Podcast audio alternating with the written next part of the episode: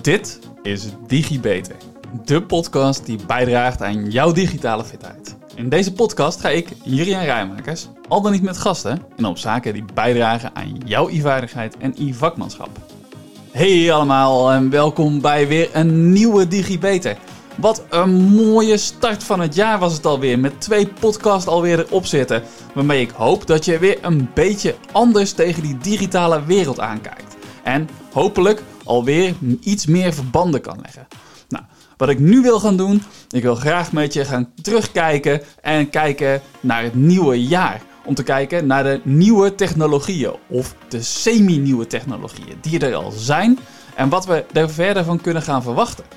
Als ik zaken heb behandeld in eerdere podcast, dan kan je die natuurlijk gewoon terugluisteren, zodat je de verbanden nog beter kan leggen. Sommige van die nieuwe technologieën die ik ga aanstippen in deze podcast, zullen de wereld echt en misschien wel sneller dan je verwacht gaan veranderen. En dat maakt het ook direct zo interessant. Hoe kan het jou gaan raken? Wat kunnen ze voor jou betekenen? Wat kunnen ze voor je organisatie betekenen? Er zijn veel nieuwe digitale technologieën die ontwikkeld worden en ons allemaal gaan raken. Sommige daarvan zijn zelfs al in gebruik, terwijl andere nog heel erg nieuw zijn. Nou, in de kerstvakantie heb ik daarom een brainstorm gedaan en een lijstje gemaakt met de technologieën die ik heel erg graag wil gaan bespreken de komende tijd. En ik wil daarbij gaan beginnen met een technologie die het afgelopen jaar uitzonderlijk veel aandacht kreeg. En waarbinnen de ontwikkelingen in een moeilijk snel tempo plaatsvinden. De basis van deze technologie, nou, daar ben ik afgelopen jaar al behoorlijk op ingegaan. Dat is, is namelijk artificial intelligence en machine learning. AI en machine learning zijn technologieën die computers in staat stellen om automatisch te leren en te verbeteren zonder expliciet te worden geprogrammeerd. Althans, een stukje hiervan. Dit is een beetje platgeslagen wat de uitleg is. De volledige uitleg, luister even terug. Kunstmatige intelligentie, AI is de ontwikkeling van algoritmen en systemen die in staat zijn om dan taken uit te gaan voeren die je normaal gesproken alleen door mensen laat uitvoeren. Zoals het herkennen van spraak of beelden. Er zijn verschillende soorten AI en die besprak ik al eens eerder in de AI-podcast. Maar ik ga ze nu heel even kort aanstippen. Narrow AI, dat is de AI die gericht is op het uitvoeren van hele specifieke taken, zoals het spelen van een spel of het herkennen van spraak. Nou, dan hebben we ook nog General AI, dat is AI die in staat is om eigenlijk al een brede scala aan taken uit te gaan voeren, net als wij als mensen dan doen. En dan krijg je de superintelligentie. Daar is iets waar we helemaal nog niet bang voor hoeven zijn. Maar dat is al benoemd als AI die krachtiger zou zijn dan onze menselijke geest. En daarmee in staat is om complexe problemen op te gaan lossen. Die voor ons mensen nog onoplosbaar zijn. Meer daarover in podcast 6 over artificial intelligence, kunstmatige intelligentie in de vervolgpodcast. Maar goed, AI kan dus worden toegepast in heel erg veel verschillende gebieden. Gebieden zoals de gezondheidszorg of de transportsector, maar ook de financiële sector en de industrie. Je kan echt overal, je kan zo gek niet bedenken of je gaat het er vinden. Het is ook uh, gebruikt om mensen te assisteren bij het uitvoeren van onze taken. Onze taken te automatiseren die eerder door ons mensen uitgevoerd werden. Er zijn echter ook wel belangrijke zaken om bezorgd over te zijn met AI. Zoals bijvoorbeeld het mogelijk verlies van banen als gevolg van automatisering. En de vraag of AI de menselijke controle over kan, eh, kan nemen. Nou, daarom is het vooral heel erg belangrijk om de ontwikkelingen van AI goed te begeleiden. En te zorgen voor ethische richtlijnen. Om ervoor te zorgen dat AI op een verantwoorde manier wordt gebruikt. Er zijn veel recente ontwikkelingen binnen kunstmatige intelligentie, binnen die AI. En enkele voorbeelden daarvan, die heb ik eruit gelicht om naar te kijken. Qua grote ontwikkelingen van het afgelopen jaar. En één daarvan, dat is Natural Language Processing. Nou, en daarover wil ik vandaag graag wat verder wat meer vertellen. Natural Language Processing, NLP, oftewel natuurlijke taalverwerking. Er zijn steeds meer AI-systemen namelijk die in staat zijn om onze natuurlijke spraak, om die te begrijpen, om die te verwerken. Dat kan weer helpen bij het automatiseren van taken of het geven van de antwoorden op vragen van ons. Nou, NLP is een vorm van artificial intelligence, oftewel die kunstmatige intelligentie, waarbij we die computerprogramma's dus inzetten om natuurlijke menselijke taal te interpreteren.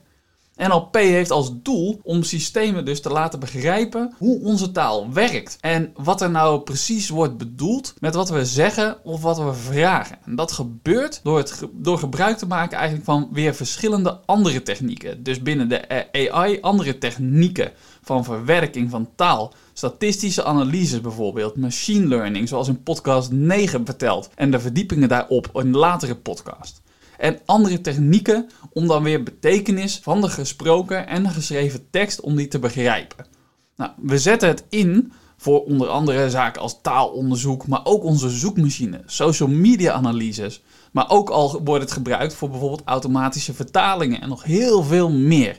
Als je dit eens in het echt en gratis mee wil maken, dan ga je, moet je even gaan naar die website van ChatGPT. Die was afgelopen december volop in het nieuws. Die heb je vast al voorbij zien komen. Misschien heb je hem al wel gebruikt, maar anders is het echt het aanraden waard. bijzondere aan die chatcode, uh, chatbot is, het heeft ook gewoon alarmcode rood gegeven bij Google.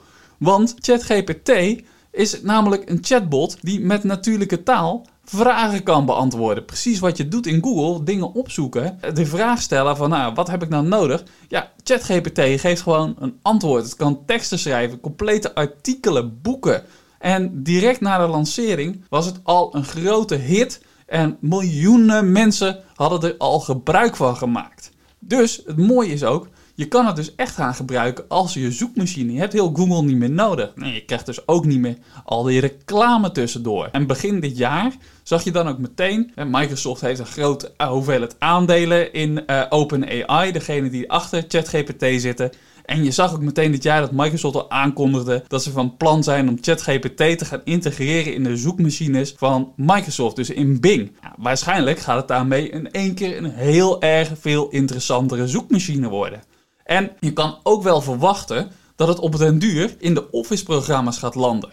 Waarbij je dus je kan voorstellen dat stel dat je Microsoft Word hebt, dat Microsoft Word niet meer begint met een leeg vel, maar dat het je aan het begin gaat vragen van, nou, waar wil je het vandaag over hebben? En dat je dan gewoon aan Microsoft vertelt, nou, ik wil graag een opstel uh, schrijven over hoe de wereld uh, groener kan worden. En dan gaat ChatGPT, wat dan geïntegreerd is voor je, kan dan al een heleboel suggesties en zaken integreren in je Office. Voor nu is het nog gratis, dus je kan het nog leuk gebruiken, maar je kan erop wachten dat het zo meteen betaald wordt, want er ligt ook al een heel erg groot bod van een heel aantal durven investeerders. En er zit natuurlijk al wel behoorlijk wat investering in en behoorlijk wat kapitaal in van onder andere Microsoft. Maar goed, het roept ook natuurlijk direct heel erg veel vragen op. Want het systeem lijkt dat het alle vragen echt overtuigend en misschien zelfs wel menselijk kan beantwoorden. Maar wat je niet moet vergeten is, het is maar een stukje software dat getraind is op het taalmodel. En uh, ja, het is een taalmodel waarin heel erg veel tekst zit. Maar het is heel erg eenvoudig om te vergeten dat er wel een taalmodel achter zit als je ermee bezig bent met de software. Want het werkt wel echt heel erg leuk. Maar de techniek is ook niet foutloos. Reacties van ChatGPT kunnen gewoon onnauwkeurig of ongepast zijn. Het kan volgens de bouwers zelfs schadelijke instructies of bevooroordeelde informatie produceren. En daarmee dus ook fake nieuws bevorderen. Nu klinkt het natuurlijk heel erg mooi, hè? die techniek dat, het, dat je zo meteen in Word en uh, zo in één keer een opstel kan gaan schrijven. Maar die techniek biedt dus ook gewoon wel risico's voor werkenden. Denk aan mensen die veel met teksten en met taal doen. Of juristen die contracten opstellen.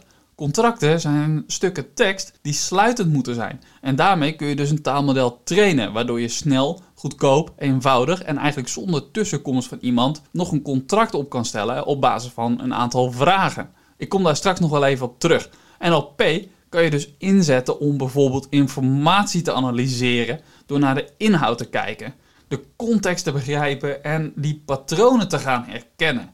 Dat doet het systeem met behulp van meerdere methoden. Denk aan sentimentanalyse. Hoe voelt de schrijver zich op dit moment? En in welke kleur vertaalt dan dat gevoel, vertaalt zich dat? Ben je bijvoorbeeld heel erg boos en dan krijg je misschien de kleur rood mee. Stel dat je dan aan het chatten bent met uh, zo'n chatbot, met NLP, nou, dan zou je de kleur rood kunnen toelichten omdat ik dus heel erg boos ben. En op basis daarvan, hè, ik ben bijvoorbeeld heel erg boos omdat ik zojuist iets gekocht heb bij de webshop en de twee keer geld van mijn rekening is afgeschreven. Nou, op basis daarvan kan dan zo'n chatbot waarmee je aan het chatten bent, kan zijn reacties aanpassen om te zorgen dat je je weer wat beter gaat voelen om die boosheid weg te nemen. Een andere methode die wordt ingezet binnen NLP is ook wel tekstclassificatie. Bij tekstclassificatie worden er labels toegekend aan fragmenten met tekst, zodat je de inhoud kan categoriseren.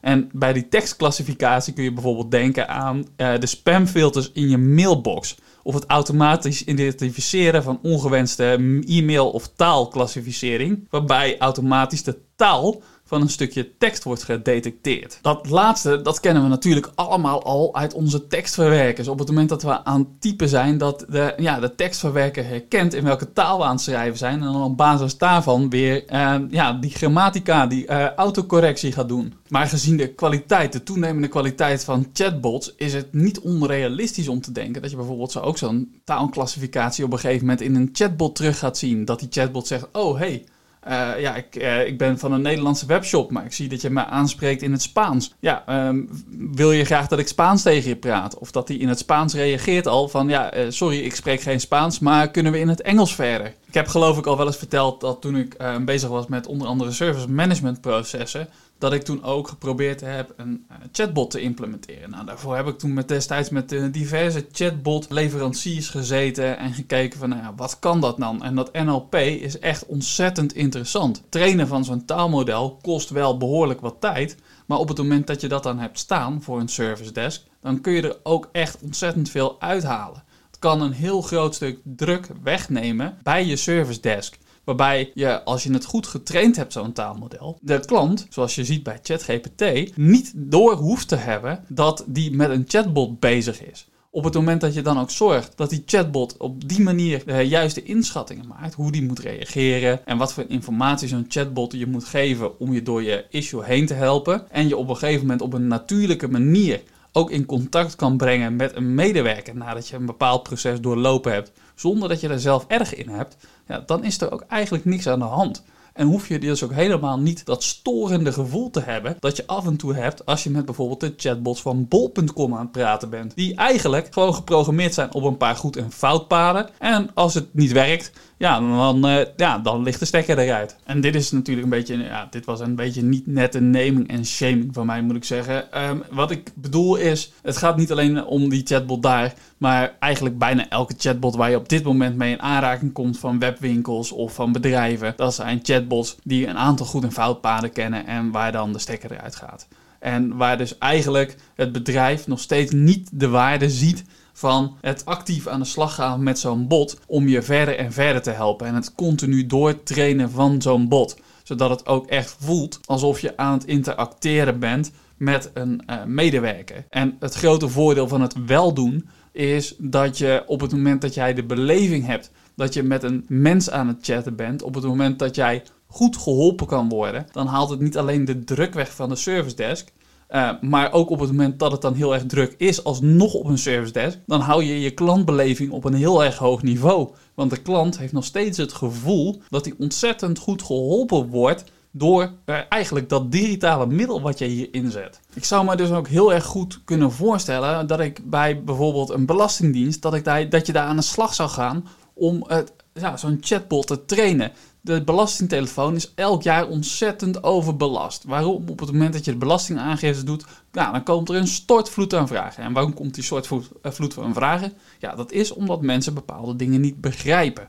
En uh, zo'n chatbot kan je, uh, als je die dus goed inricht, kan dus helpen om mensen door die stappen heen te helpen. Om verder te kijken met, nou, waar loop je nou tegenaan? En het grote voordeel daarvan is ook meteen weer dat je precies onderwerpen kan registreren. Waar hebben mensen het over? Waar lopen ze tegenaan? En als je dat weer registreert, dan kun je dat in je uh, bouw van de software, op het moment dat je daarmee bezig bent, kun je dat weer meenemen als verbeteringen. Dus het grote voordeel van het feit dat je met een bot aan het praten bent, is ook meteen dat uh, de, de interactie zodanig geregistreerd wordt dat je uh, ja, op zich verbeteringen toe kan passen in je, bijvoorbeeld in je programmatuur. En uh, daarmee dus ook weer de kwaliteit van je diensten, van je programma's kan verbeteren. Als ik dan dus kijk naar die natuurlijke taalverwerking, is het dus een techniek om met behulp van het systeem informatie uit tekst te filteren. Nou, dat kennen we wel van onze grote vrienden, onder andere de slimme assistenten die op onze telefoons en soms zelfs al in onze huizen aanwezig zijn. Heerlijk als je daar tegen kan praten. Afgelopen maand las ik zelfs dat uh, uh, ja, het een goede remedie kan zijn tegen eenzaamheid omdat mensen, ja, die voelen zich toch wel alleen als er niemand aanwezig is. En als NLP zich dus verder ontwikkelt, ja, dan zal het steeds meer gaan aanvoelen of je echt met iemand in gesprek bent. Nou, dat kan de eenzaamheid onder ouderen natuurlijk wel weer terugbrengen, maar ook de eenzaamheid onder jongeren, die tegenwoordig ook heel erg veel in het nieuws is. Maar ik denk ook wel dat het een beetje een duistere kant kan hebben, waarbij mensen nog steeds verder van de maatschappij afkomen te staan. En afhankelijk van nou wat ze van hun gezelschap, hun digitale gezelschap te horen krijgen, misschien wel een mening gaan vormen die nou, toch minder wenselijk is. Taalherkenning is dan ook weer een techniek waarmee een systeem spraak kan herkennen en verwerking. Nou, taalherkenning ken je misschien wel van bijvoorbeeld Google Speech to Text. Uh, ik heb het, uh, het, exacte onderscheid heb ik eigenlijk niet gevonden tussen deze twee, maar het schijnen twee losse onderdelen van elkaar te zijn. En zover in de techniek zit ik ook niet dat ik dan, uh, dat ik dan exact snap waarom dat dan twee losse onderdelen zijn. Nou, dan heb je ook nog hè, het thema extractie. En dat is een techniek waarmee systemen informatie kunnen halen uit de tekst en dat kunnen categoriseren op thema. En even by the way, terugpakkend op wat ik net zei. ik heb het exacte onderscheid niet, maar ken je dat nou wel? Nou, misschien kun je er eens een keertje leuk over komen vertellen hier in de podcast. Zodat het voor iedereen uh, die het niet weet, dat het ook begrijpelijk wordt. Goed, uh, thema extractie dus en techniek waarmee je systemen informatie kunnen halen uit tekst, kunnen categoriseren op thema. Sentiment is bijvoorbeeld zo'n thema. De tone of voice. Maar je ziet het ook wel in bijvoorbeeld zaken als afbeeldingsherkenning. Wat zie ik nou in zo'n foto? Uh, als mijn beveiligingscamera iets detecteert, dan geeft hij direct aan: oh, dit is een mens, dit is een dier, uh, dit is een uh, voertuig. Eh, en als je het een stap verder gaat, dan kan hij nog precies vertellen wat voor soort voertuig. wat voor soort mens, hè? man, vrouw, als je het in die hokjes mag stoppen. Ehm, wat voor soort dier. Nou, noem maar op. En ja, je kan daarbij dus op een gegeven moment kun je ook een, uh, een tone of voice sentiment is ook bijvoorbeeld een, uh, wat je, waar je het voor in kan zetten, is gedragsanalyse. Voor bijvoorbeeld, nou, wat doet iemand online? Hoe gaat die, beweegt hij zich over het internet? Wat voor gedrag past daarbij? Nou, zoals je merkt, sluiten de categorieën elkaar niet uit. Het heeft natuurlijk uh, best wel veel ook met elkaar te maken. Even terugkomen nog op die hokjes. Ja, zo'n systeem dat doet de herkenning natuurlijk aan op basis van hokjes die wij het systeem geleerd hebben. Dus als wij maar twee hokjes aangeven als mens, als wij zeggen ja, je mag alleen maar categoriseren op man of vrouw en er zit geen onderscheid tussen, dan zal dat systeem verder ook geen onderscheid maken tussen man en vrouw. En waar zal het systeem dan op een gegeven moment onderscheid op gaan maken? Nou, op kenmerken die bijvoorbeeld vaak in zo'n afbeelding terugkomen. Dus daarmee zou je hele vervelende, daarmee nou, zou je hele vervelende Daarmee kan je echt wel hele vervelende situaties krijgen. Omdat bijvoorbeeld, nou, stel dat je als man lang haar groeit. Hè, dat, mij gaat dat nooit lukken natuurlijk, want ik heb hartstikke kort haar en ik ben uh, gewoon kalend. Maar uh, stel dat je als man ontzettend lang haar groeit, dan uh, word je misschien wel geclassificeerd als vrouw. Nou, dat kan heel erg kwetsend zijn. Of juist niet, afhankelijk van hoe je geïdentificeerd wil worden. Op het moment dat jij je, hele leven als vrouw uh, al man gevoeld hebt, of als man vrouw voelt, of jezelf een andere identiteit aanmeet, ja, dat is voor zo'n systeem is dat verschrikkelijk lastig te onderkennen, omdat het systeem daar niet op getraind is. Waar kan het systeem dat aan herkennen? kan het systeem het überhaupt wel herkennen? Want het, het is ook een stuk gevoel. En een systeem kan dat gevoel niet inschatten. En zo krijg je dus ook bias in zo'n algoritme. En dat is precies hetgeen waar je dus als je met zo'n algoritme bezig gaat, waar je dan ook over na moet denken. Wat kan er gebeuren? Zijn er, uh, hè, want we stoppen mensen, uh, we delen ons hele leven zo'n beetje in, in hokjes. Ik heb ooit wel eens een andere podcast gehoord over contain, containerization. Dat we ons hele leven aan het vercontaineriseren zijn en alles in een hokje proberen te stoppen het is iets om echt wel goed over na te denken. Maar ook weer iets, uh, ik denk van een andere podcast buiten het NLP-stuk om. Ik zou nog even terugkomen op die digitale contracten. Opgesteld door juristen, afgesloten door notarissen, waar je gigantisch veel geld aan kwijt bent. Of wel eigenlijk het stukje uh, waar mensen op een duur door de technologische ontwikkelingen hun baan waarschijnlijk behoorlijk zullen gaan zien veranderen. Contractueel is een bedrijf dat op basis van al deze technieken al het een en ander aanbiedt rondom gewoon die initiële contractopstelling en het afsluiten, het vastleggen daarvan. In mijn eerste bedrijf was dit een van de grootste knelpunten. Juristen zijn gewoon enorm prijzig. En daarom was ik zelf maar begonnen aan het opstellen van een contract, het in elkaar zetten daarvan. En ik dacht dat ik alles behoorlijk goed had uitgezocht. Hè. Er zaten misschien een paar loopholes in. Uh, ja, en die loopholes die hebben ervoor gezorgd dat ik uiteindelijk een behoorlijke flater geslagen heb. En weinig andere keuze had om te stoppen. En dat, ja, want mijn partners, hè, die maakten gebruik van die loopholes. Ja, dat is echt enorm vervelend. Nou, Contractuo stroomlijnt dus dat, soort contracten zodat er dus totaal geen loopholes meer in zitten. Dat het ook nog volledig voldoet aan de wet. Dus op het moment dat er ook wetswijzigingen zijn, zul je dat ook gewoon doorgevoerd hebben direct in je software. En dat is fantastisch. Nou, er is ook andere uh, sprake van, hè, bijvoorbeeld uh, automatische tekstgeneratie. Ongeacht waar je nu dus een contract voor wil opzetten, krijg je dus de juiste bundeling van clausulen. Daarnaast worden er nog veel meer mooie technologieën ingezet, hè, waardoor je gegarandeerd kan zijn voor bijvoorbeeld, eh, nou, als je een contract hebt met iemand die je moet betalen, dat je ook gegarandeerd bent van een snelle betaling naar levering op het moment dat jij goed geleverd hebt natuurlijk. Nou, als de organisatie is dat toch wel de moeite waard om naar zoiets te kijken, want dan kan je een hele hoop geld besparen. Of zoals in mijn geval, misschien wel een hele hoop ellende van het feit dat je dan je eigen uh, kindje moet uh, ja, kill your own baby, zeggen ze. Dit is niet de meest lieve uitspraak. Maar ja, op een gegeven moment moest er toch de stekker uit, want er kwam geen geld meer binnen. En ja, dan is het gewoon niet meer haalbaar om je eigen onderneming voor te blijven zetten natuurlijk. Ja, en ben je nou die jurist of die notaris uh, die nu zit te luisteren en je hoort dit en dan denk je, verrek zeg, nou het komt wel heel erg snel dichtbij. Eh, ik wil je vooral graag aanzetten tot denken. Dit is iets wat natuurlijk gewoon al heel hard in en heel erg snel in de ontwikkeling is. En niet alleen op deze beroepsgroepen, maar ook op andere beroepsgroepen. Nou, denk aan journalisten. Gaat het uh, helemaal je werk veranderen? Ja, waarschijnlijk wel. Gaat je baan daardoor verdwijnen? Nee, waarschijnlijk niet. Uh, maar het is dus wel echt een andere manier van werken. Een manier van werken waar je over na moet denken. Waarvan je zegt van nou, ben ik zo meteen nog wel mijn hele teksten zelf aan het schrijven als journalist? Of schrijft het systeem voor een groot deel mijn teksten en pas ik daar mijn eigen twist op toe. En dan kost het misschien minder tijd, maar kun je bijvoorbeeld wel meer artikelen genereren. En daarnaast, wat ik daar straks ook al vertelde, ja, zo'n chatbot, eh, het, het kan natuurlijk ook fake nieuws genereren. Dat blijft dus dat je misschien nog wel extra tijd gaat krijgen. Dus nu voor extra goed en diep en grondig research op onderwerpen waar zo'n chatbot je heeft ondersteund op het gebied van schrijven. Dus misschien helpt het wel om bijvoorbeeld artikelen nog meer waarheidsgehalte, artikelen een hoger waarheidsgehalte te gaan geven.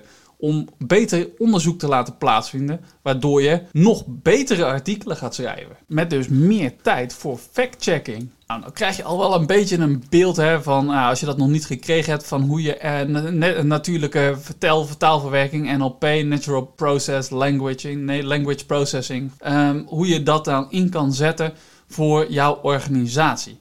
Ik wil kijken naar misschien nog een paar voorbeelden die je dus kan, uh, kan krijgen naast zo'n systeem als Contractual. Ik had het net al over de klantenservice. NLP kan je dus goed inzetten voor het gebruiken van beantwoorden van je klantvragen, problemen. Het is goed te automatiseren door gebruik te maken van chatbots, maar ook andere interactieve systemen. En dat kan dus weer helpen om je klanten, zoals ik daar straks al vertelde, snel te assisteren. Die werkbelasting van die collega's op die service desk te verminderen. Maar ook de collega's die verder in de lijn zitten, om die werkdruk daar te verminderen.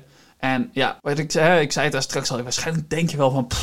Die chatbots, wow, daar word ik echt helemaal gek van. Maar echt, ja, ga maar eens met die chat GPT praten. En kijk maar eens hoe goed die omgaat met jouw vragen. Je hoeft niet eens alleen maar gewoon vragen te stellen. Je kan die chatbot kun je gewoon vragen om stukjes computercode voor je te schrijven. Het kan tabellen voor je genereren. Het kan taal voor je vertalen. Nou, het werkt echt, ja, als je het mij vraagt, het is niet foutloos. Uh, maar het werkt echt wel. Uh, ja, heel erg fijn. En ik zie daar wel echt een potentie in voor het komend jaar voor verdere ontwikkelingen. Ik denk dat dat ook echt heel erg snel zal gaan. Sterker nog, um, als ik goed begrepen heb, dan komen ze in het eerste kwartaal van dit jaar komen ze alweer met een nieuwe variant, met een volgende variant op hun taalmodel. En dat zou betekenen dat het nog beter zal worden. Verder eh, zou je bijvoorbeeld NLP zou je bijvoorbeeld ook heel erg goed in kunnen gaan zetten voor het categoriseren van inhoud. NLP kan je namelijk gebruiken om grote hoeveelheden tekst om die te analyseren, om die te categoriseren. Wat weer dus kan helpen bij het organiseren van informatie of het identificeren van specifieke onderwerpen. Nou, ik had het daar straks dus al even over die chatbot. Dat je daar dus weer informatie uit die tekst zou kunnen gaan filteren. Over waar bijvoorbeeld mensen heel erg veel tegenaan lopen. Zodat je vervolgens je software weer kan gaan verbeteren. Nou, daar zou je aan kunnen denken met die inhoudscategorisatie. Nou, dan had ik het er straks ook al over de sentimentanalyse. NLP kan je dus gebruiken om tekst te analyseren, om het sentiment te bepalen. En dat kan dus weer helpen bij bijvoorbeeld nou ja, het meten van je klanttevredenheid of het identificeren van problemen. Ik zou het ook wel interessant vinden als zo'n sentimentanalyse een keertje over deze podcast heen ging. Om dan te bepalen, nou, wat is nou het enthousiasme of wat is het sentiment van Juriaan? Ik probeer het zelf wel een beetje te sturen, merk ik, bij het maken van deze podcast. Nou, en, en dan heb je nog uh, bijvoorbeeld, je kan NLP heel goed inzetten dus voor die verwerking van taal. Je kan het gebruiken om teksten te vertalen van de ene naar de andere taal. En dat kan dus weer helpen bij bijvoorbeeld het beter communiceren in andere talen. Of als ik bijvoorbeeld aan het bellen ben met iemand in Duitsland, dat uh, zo'n vertaalmachine er eigenlijk automatisch tussen zit. En dat eigenlijk wat ik zeg in Nederlands, dat het gewoon rechtstreeks naar Duits vertaald wordt. Nou ja, als je dat dan hebt, ja, wat, wat is dan nog de, uh, de taalbarrière uh, als je met mensen aan het praten bent? En dan Duits, ik spreek het nog wel, maar uh, nou, neem nou bijvoorbeeld Chinees. Nou, dat zou toch wel heel relaxed zijn. Er zitten natuurlijk ook wel weer risico's aan, want je weet niet of zo'n machine het dus nu goed voor je vertaalt. Nou, en dan heb je natuurlijk ook nog de zoekmachine optimalisatie. Denk maar aan wat ik net zei, code rood bij Google. Ja, NLP kan dus gewoon worden ingezet om die websites te analyseren. Dat, dat zit in die inhoudscategorisatie en dergelijke. Nou, als je dat geanalyseerd, al die websites geanalyseerd uh, hebt, geanalyseerd hebt, als je die allemaal geanalyseerd hebt, uh, ja, dan kan het ook helpen bij het optimale laten functioneren van je zoekmachine. En of eigenlijk misschien niet eens je zoekmachine meer, dan kan het gewoon je zoekmachine zijn en uh, de zoekresultaten gewoon heel erg gericht aan je teruggeven. Nou, natuurlijk is het allemaal nog wel in ontwikkeling. En er is niet one shoe to fit them all. En dat is het glazen muiltje, dat past nou, uh, maar op één voet. Maar als je ermee aan de slag gaat, dan is er echt wel heel erg veel wat je kan doen om ervoor te zorgen dat jij die schoen ook gaat passen. Dat je hem sneller past en dat je hem goed gaat inlopen. Nou, hoe meer gesproken en geschreven gegevens je aanlevert aan zo'n model om te trainen, hoe beter ook zo'n model zal worden. Hoe beter het ook zal aansluiten op jouw behoeften. Wat er ook nog wel van belang is, is dat je dan wel afwisselende data gebruikt. Misschien zelfs wel afwisselend met afbeeldingen, tekst, geluid om het model nog nauwkeuriger te maken. Schrijf je nu dus veel teksten of uh, veel, uh, veel, misschien zelfs wel ook met veel herhaling, nou, dan is het misschien toch wel leuk om je ook een beetje te gaan verdiepen in dat NLP. Nou, daarbij zei, heb, heb ik net een aantal wat eenvoudigere dingen uitgelegd die je zelf echt wel kan trainen aan zo'n model. Dat is echt niet complex, um, maar je kan ook denken aan lastigere technieken die niet direct voor nu zijn, maar ik ga ze toch eventjes noemen. Dan kun je googlen als ik je interesse aangewakkerd heb. En dan kun je denken aan bijvoorbeeld transfer learning, word embedding en deep learning. Zodat er nog meer complexe en taalkundige relaties gelegd kunnen worden. Kan ook gaan denken aan entity recognition. Om meer contextuele informatie te krijgen en die modellen nog geavanceerder te maken. Zoals uh, recurrental uh, networkings, uh, en long short term memory. Nou ja, voor het herkennen van taalpatronen is dat. Hoe groter dus die dataset, hoe meer variëteiten je kan gaan aanbrengen in die teksten die dan weer uit zo'n tekstgenerator uit NLP komen. De toekomst van NLP ziet er dus wat mij betreft, ik zei het net al, echt ontzettend veelbelovend uit.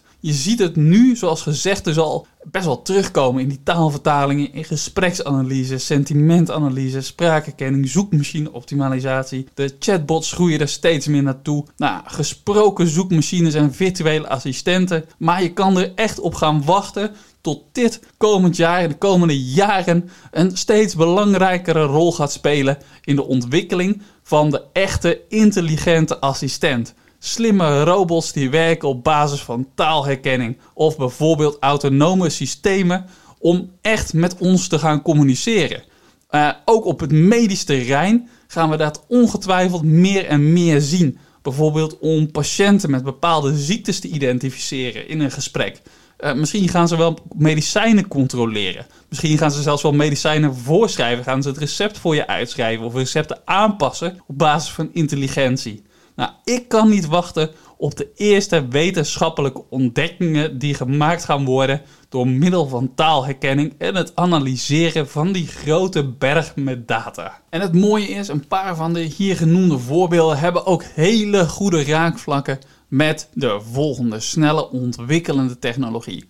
En die bewaar ik natuurlijk tot de volgende week, want dit was het alweer. Dit was de volgende, eh, dit was de digibeta van deze week. De digibeta van volgende week waar ik in wil gaan, dat zijn de neurale netwerken. Maar, zoals ik al zei, meer daarover in de volgende podcast. Voor nu, dank voor het luisteren. Tot de volgende keer. Tot de volgende digibeta.